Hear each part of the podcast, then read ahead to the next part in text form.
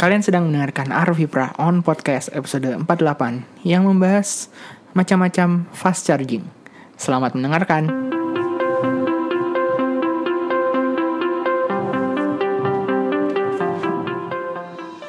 Oke semuanya, apa kabar? Gimana minggu kalian, awal minggu kalian?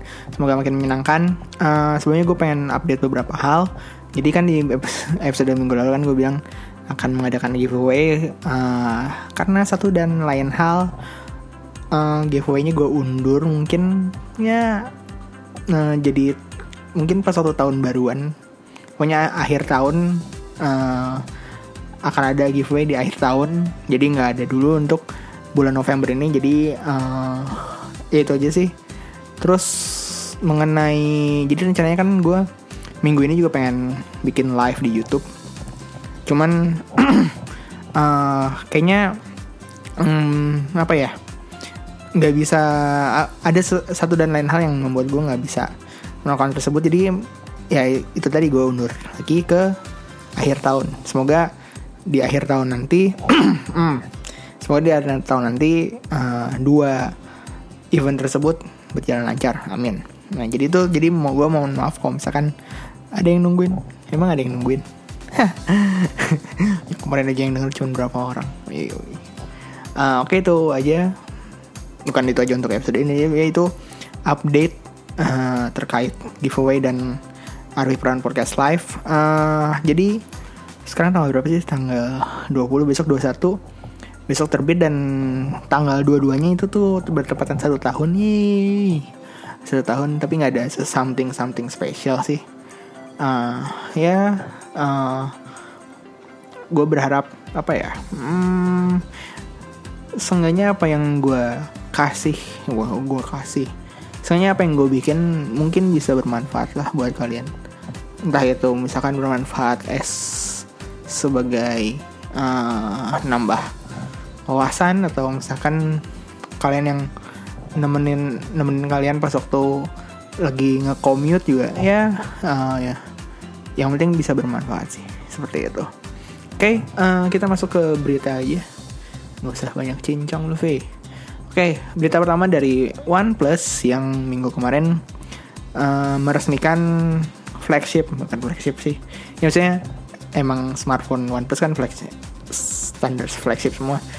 Meresmikan smartphone terbaru mereka yaitu OnePlus 5T dengan prosesor Snapdragon 835 RAM 6GB kayaknya ada opsi yang 8GB nya juga. Uh, yang menarik di sini adalah si 5T ini dibandingkan yang sebelumnya. Si OnePlus 5 adalah layar yang menggunakan resolusi eh rasio kekinian 18 banding 9 uh, full HD tapi 2160 kali 1080 uh, rasionya seperti eh pixelnya seperti itu. Terus uh, fingerprintnya yang biasanya taruh di depan jadi ditaruh di belakang. Apalagi ya? Kameranya juga mendapatkan beberapa improvement seperti di kamera kamera depan. Katanya lebih bagus beresolusi 16 megapiksel. Dan kamera belakangnya juga semakin dioptimalkan. Seperti itu sayangnya masih menggunakan Android uh, 7 kalau nggak salah. Jadi sempat disindir juga di akun Twitter @adugadget uh, hardware 2017 tapi softwarenya masih 2016 seperti itu. Uh, tanggapan gue terhadap si OnePlus 5T ini gue masih bingung sih kenapa hmm, apa namanya kan track record kan OnePlus OnePlus 2 OnePlus X OnePlus 3 OnePlus 3T 3T yang gimana pada anehnya katanya sih kenapa jadi 3T karena 4 tuh kan angka sial ya buat di be, di beberapa negara. Uh, contohnya Tiongkok. Di mana OnePlus juga sebenarnya base nya emang Tiongkok gitu kan. Uh, jadi 4 diganti jadi 3T terus habis 3T loncat ke 5 nah pas waktu ini loncatnya apa? Masuknya ke 5T gitu. Kenapa nggak ke 6 padahal 6 uh, eh, sebenarnya nggak ada masalah sama angka 6 gitu seperti itu tanggung aja maksudnya uh, kenapa 6 eh kenapa 5T gitu. Apa mungkin gara-gara upgrade-nya dari 5 itu nggak nggak signifikan sehingga uh, menurut mereka mungkin aduh jangan ke 6 deh. 6 nanti aja pas waktu kita ada bikin sesuatu yang amazing dan apalah. Sepertinya mungkin kayak gitu sih makanya. Cuman ya sayang aja kenapa pakai 5T dan T-nya di sini jadi bingung gitu buat apaan. Seperti itu nah selain perilisan OnePlus 5T juga uh, OnePlus juga memberikan update Oreo untuk OnePlus 3 dan OnePlus 3T 3T uh, update Oreo ini udah bisa di download udah bisa diinstal jadi buat kalian yang sudah yang memiliki OnePlus 3 dan OnePlus 3T gue tahu ada ada orang yang punya yang dengerin ini dan memiliki OnePlus 3 dan OnePlus 3T jadi bisa update mungkin bisa sharing apa aja perubahan yang didapatkan setelah update ke Oreo dengan ngirim email. Seperti itu. Terus berita kedua. Uh, selain OnePlus yang meresmikan OnePlus 5T juga ada Infinix yang merilis flagship terbaru mereka yaitu Infinix Zero 5. Nah, apa aja perbedaan Zero 5 dengan sebelumnya? Yang pertama pasti prosesornya baru. Prosesornya menggunakan MediaTek Helio P25 kalau nggak salah ya. Ya, Helio P25. Terus mengikuti standar kamera belakang smartphone kekinian menggunakan dua kamera yang beresolusi 12 megapiksel wide angle dan 13 megapiksel telephoto. Uh, jadi bisa bokeh-bokehan, bisa foto portrait, foto portrait gitu. Terus apa lagi ya? Uh, RAM-nya tuh kalau nggak salah 4 deh. 4 GB, gue lupa oh ya ini udah Corning Gorilla Glass 3 terus untuk kamera selfie-nya 16 megapiksel uh, ada dua juga eh enggak ding satu aja ternyata. Cuma ada satu maaf ya. Gimana sih lu ngasih tau nggak jelas banget? Ya yeah, maaf maaf. Uh, nah ya oh RAM-nya 6 GB dan 6 GB ini menggunakan uh, apa modul memori kekinian DDR4 ya lah namanya juga flagship ya. Di mana tapi untuk range harganya itu masih banyak juga. Yang brand-brand yang menggunakan uh, LP DDR3 seperti itu. Terus juga ada fitur fast charging dari Infinix X Charge terus apa lagi ya? Udah sih tuh layarnya masih kayak biasa 16 banding 9 belum kekinian kekinian banget. Ada tiga warna uh, merah hitam sama gold. Seperti itu. Belum tahu kapan ada hadir di, di Indonesia cuman uh, mungkin dekat-dekat lagi soalnya nggak cuman influencer-influencer dari apa namanya luar negeri influencer di Indonesia juga diajak ke peresmian Infinix Zero Five seperti uh, Om Irwan dari Sobat HP dan Putu Reza seperti itu. Oke, okay, itu tadi dari Infinix. Berita selanjutnya ini datang dari Tesla. Jadi Tesla kemarin um, ini apa memperkenalkan dua kendaraan terbaru bikinan mereka yang pertama itu adalah uh, Tesla semi truck. Jadi truk apa namanya?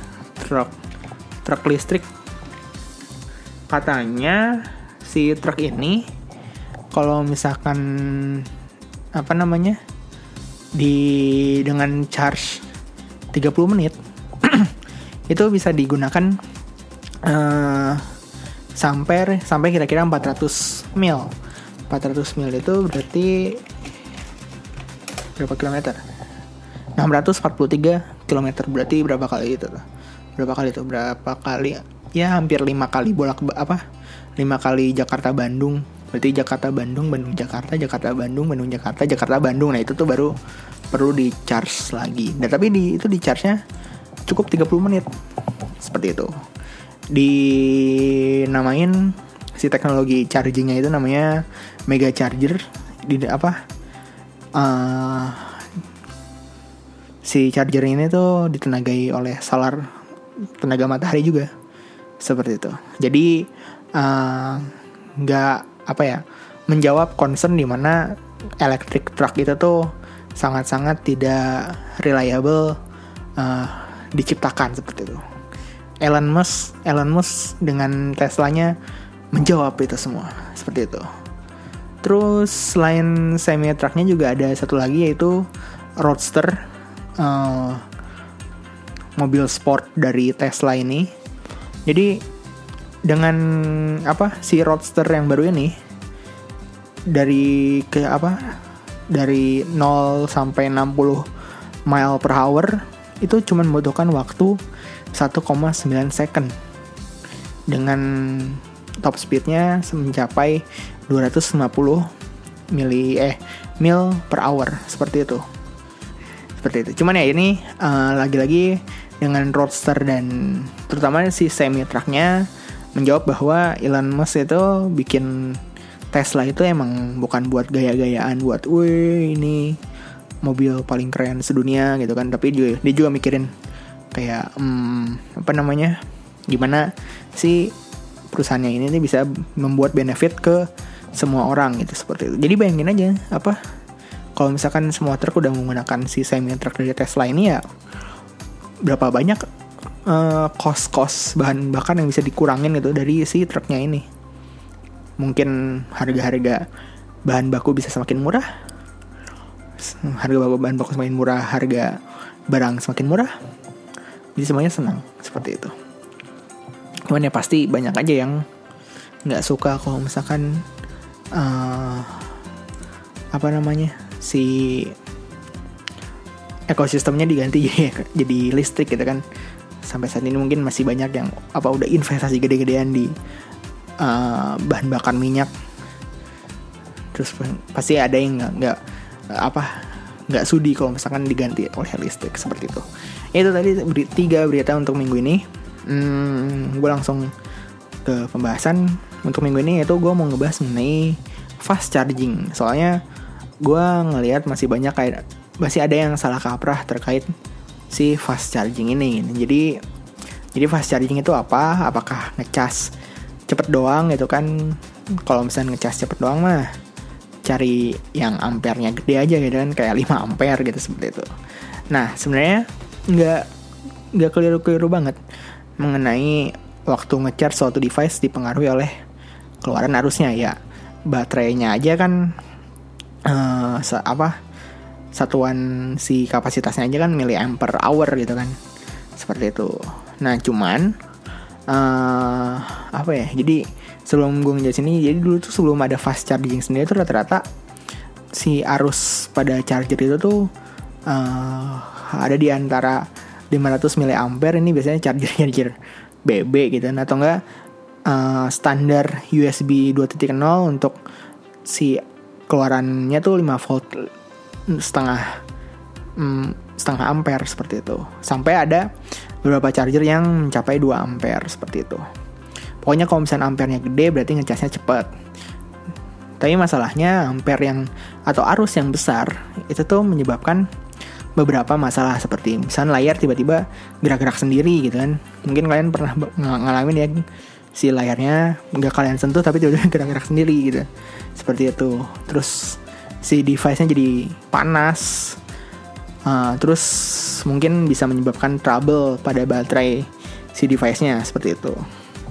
Nah dari situ beberapa vendor melakukan riset untuk memperoleh waktu charge yang cepat namun tetap aman itu kan dari situ keluar tuh yang namanya Qualcomm Quick Charge, Adaptive Fast Charge-nya Samsung, Turbo Power-nya Motorola, VOOC Charge-nya Oppo, sama Dust Charge-nya OnePlus, terus juga ada tadi kan X Charge-nya Infinix dan lain-lain seperti itu. Jadi apa bedanya sama charger yang ngasih ampere tinggi seperti 4 ampere? Untuk quick charge itu, quick charge yang dari Qualcomm, selain uh, variabel arus yang diubah-ubah, ada variabel lain yang dimainkan seperti uh, yang di variabel lain yang dimainkan itu voltasenya. Jadi kalian bisa cek tanda kalau misalkan si chargernya itu sudah mendukung uh, quick charge dari Qualcomm itu uh, biasanya di outputnya itu ada minimal minimal itu ada dua setting yang berbeda. Untuk Qualcomm Quick Charge versi 3 sendiri memiliki pengaturan 5 volt 2 ampere, 9 volt 2 ampere sampai 12 volt 1,7 ampere. Uh, itu uh, apa output maksimum yang bisa didapatkan seperti itu. Nah, terus mungkin banyak yang bertanya-tanya, kenapa itu ampernya malah turun di 12 volt 1,67 ampere? Uh, kita bisa lihat kalau misalkan voltase yang digunakan di arus 1,67 ampere itu kan 12 volt. Nah, mungkin kita bisa flashback ke uh, apa fisika zaman eh, SMP ini kayaknya udah diajarin sih ya sekitar SMP lah kalau misalkan mencari daya itu tuh bisa uh, kita cari dari uh, voltase dikali arus walaupun sebenarnya nggak sesimpel itu tapi dari 5 volt 2 ampere uh, dia sanggup menghasilkan daya 10 watt. Hmm, kita abaikan dulu efisiensi. Nah terus untuk 9 volt 2 ampere menghasilkan daya 18 watt dan untuk 12 volt 1,67 ampere itu tuh sekitar 20 watt. Nah, power yang diberikannya tuh lebih besar deh dengan keluaran arus yang nggak tinggi-tinggi banget gitu kan. Hitungan 3 sampai 5 ampere tuh udah cukup udah cukup tinggi untuk device-device uh, smartphone dan segala macam. Nah, oleh karena itu pengisian daya bisa semakin cepat dengan adanya fitur quick charge ini. Nah, apakah pertanyaan berikutnya kan apakah penggunaan quick charge ini signifikan terhadap penggunaan sehari-hari? sampai saat ini tuh kita bisa bilang kalau misalkan perkembangan teknologi pada baterai itu cukup mandek setelah kita beralih dari nikel ke lithium dari lithium ada dua tipe lagi ada lithium ion sama lithium polimer nah sampai saat itu tuh belum ada lagi perkembangan dari baterai. Nah ada yang menyiasati dengan uh, si device-nya itu dikasih kapasitas yang gede gitu kan. Seperti kapasitas baterai 4000 mAh atau 5000 mAh gitu kan. Nah, tapi besarnya kapasitas baterai itu berpengaruh ke bentuk terus ukuran smartphone dan um, membuat si smartphone itu menjadi tidak ringkas bahkan berat itu kan. Ya, tapi bukan tapi sih. Jadi dan 5000 mAh juga membutuhkan waktu yang cukup lama untuk ngecharge. Jadi dulu gue sempat punya Lenovo P780, dia punya baterai 4000 mAh, kira-kira butuh waktu sekitar dua setengah sampai tiga jam untuk uh, mendapatkan uh, apa namanya uh, full battery 100% gitu dipakainya mungkin bisa sampai satu setengah hari dua hari. Cuman ngecharge-nya dua, setengah jam sampai tiga jam itu cukup ngeribetin seperti itu. Nah selain dari ngasih kapasitas baterai yang gede ada juga yang memaksimalkan baterai dari sisi softwarenya seperti Sony dengan stamina mode Terus Android juga pada umumnya punya mode power saving uh, dan beberapa brand-brand lainnya dan punya uh, software untuk mengoptimasi baterainya masing-masing.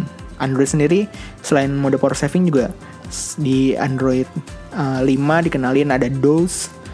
Uh, dia tuh bisa nge-hibernate apps yang nggak uh, kepake dan apa namanya ya ditidurin lah si aplikasinya jadi nggak nggak terlalu membutuhkan uh, tiba-tiba wake up atau alarm si aplikasinya harus jalan lagi di Android 6 tuh dikenalin DOS on the go jadi uh, si DOS-nya itu tuh bisa di pada apa jadi pas satu lollipop tuh si DOS-nya cuma bisa aktif pada saat si HP-nya tuh keadaan diam statis di meja dan di Android 6 ada DOS on the go jadi si pada saat si HP-nya lagi saku lagi jalan itu tetap bisa si Hibernate apps-nya tuh jalan. Kalian bisa cek di misalnya di settingan baterai di Android kalian ada pilihan ada opsi optimize battery gitu segala macam lah itu kalau misalnya uh, semua aplikasi turut eh kecuali Google Play Service-nya on itu berarti dosnya aktif seperti itu. Nah, si optimasi baterai ini uh, Sayangnya beberapa banyak yang menyebabkan performa smartphone menjadi turun. Contohnya aja seperti misalkan uh, Android yang power savingnya dari Android dia um, ngekat semua animation jadi uh, animationnya jadi nggak ada sama sekali. Terus prosesornya juga clocknya diturunin. Terus beberapa sinyal seperti wifi dan bluetooth yang dimatiin seperti itu. Terus kalau misalkan di Samsung bahkan ada mode namanya ultra power saving mode di mana si Samsung ini uh, layarnya dibikin hitam putih doang. Dan uh, kita cuma dikasih beberapa akses aplikasi yang sudah kita pilih. Uh, untuk nge apa namanya nge converse bukan nge converse apa ya? Conserve lah conserve nge si baterainya itu biar nggak terlalu banyak aplikasi yang ngedrain si baterainya seperti itu. Nah hmm, ternyata software nggak terlalu work banyak soalnya mungkin uh, kepake tapi missnya mungkin banyak juga gitu kan seperti itu nah metode fast charging ini yang menjadi alternatif lain terkait permasalahan si baterai smartphone dengan konsep charging dengan waktu sesingkat-singkatnya bisa mengisi daya sebesar-besarnya. Nah, masalahnya konsep ini tuh yang sering disalahartikan oleh para pengguna smartphone. Mereka menganggap dengan fast charging mereka bisa mengisi baterai sampai full dengan waktu sesingkat mungkin.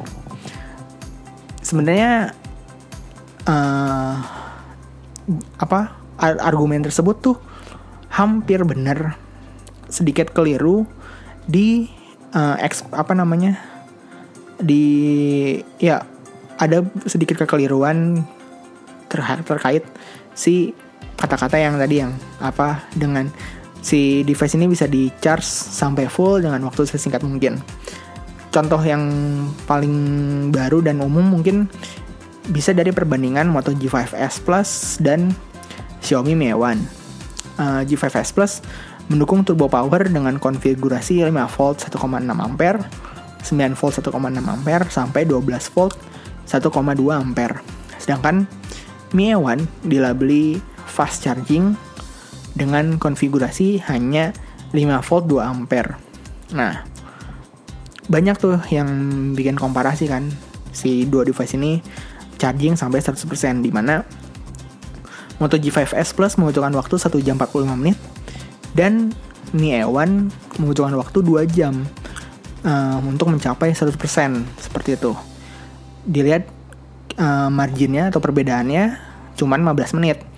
Dari situ banyak yang meremehkan eh, katanya turbo charge cuma beda 15 menit ternyata gitu. ternyata turbo powernya mana nah masalahnya uh, ada satu tes yang menurut gue cukup esensial uh, dilakukan yaitu si device-nya itu di charge selama 30 menit dan membandingkan besar daya yang didapatkan uh, antara A sama B seperti itu. Nah, kebetulan pas waktu review-review kemarin review Mi A1 uh, eh, gue sempet nyobain untuk 30 menit sendiri tuh Mi A1 tuh umumnya terisi sekitar 30 sampai 35 persen. Ini chargingnya dimulai dari 15 persen. Sedangkan untuk Moto G5s Plus bisa mencapai 50 persen. Di mana awal ngecharge-nya itu 15 persen juga dalam waktu 30 menit. Nah, sangat lumayan banget untuk penggunaan keseharian gitu kan. Jadi dengan 30 menit charge sudah mendapatkan 50% dari kapasitas baterai yang disediakan seperti itu.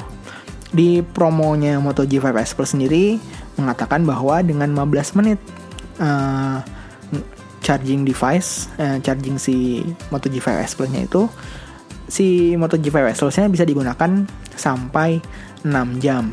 Uh, tapi 6 jam di sini bukan screen on time ya.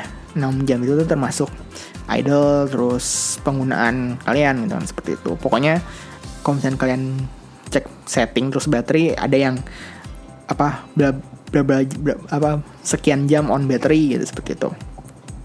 Nah sekarang kira-kira udah kebayang belum pentingnya fast charge ini gitu kan? Gue buat gue sendiri tuh adanya fast charging ini tuh mm, untuk mengurangi kebiasaan charge-nya itu tuh tinggal semalam gitu kan pagi-pagi bangun terus si smartphone-nya di charge gitu kan sarapan mandi persiapan berangkat sekitar 40 sampai 1 jam smartphone uh, udah siap dipakai minimal hingga sore.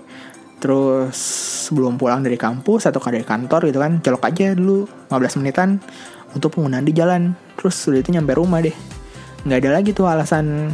Bentar ya bro, nunggu charge HP full dulu. Hehe. gitu seperti itu nah untuk teknologinya sendiri sekarang tuh udah ada eh, udah sampai di Qualcomm Quick Charge eh, 4 Plus 4 Plus dengan improvement seperti 3 derajat Celcius lebih dingin 15% lebih cepat dan 30% lebih efisien Eh, Quick Charge 4 Plus ini baru ada di dua device yaitu Nubia Z17 sama Razer Phone.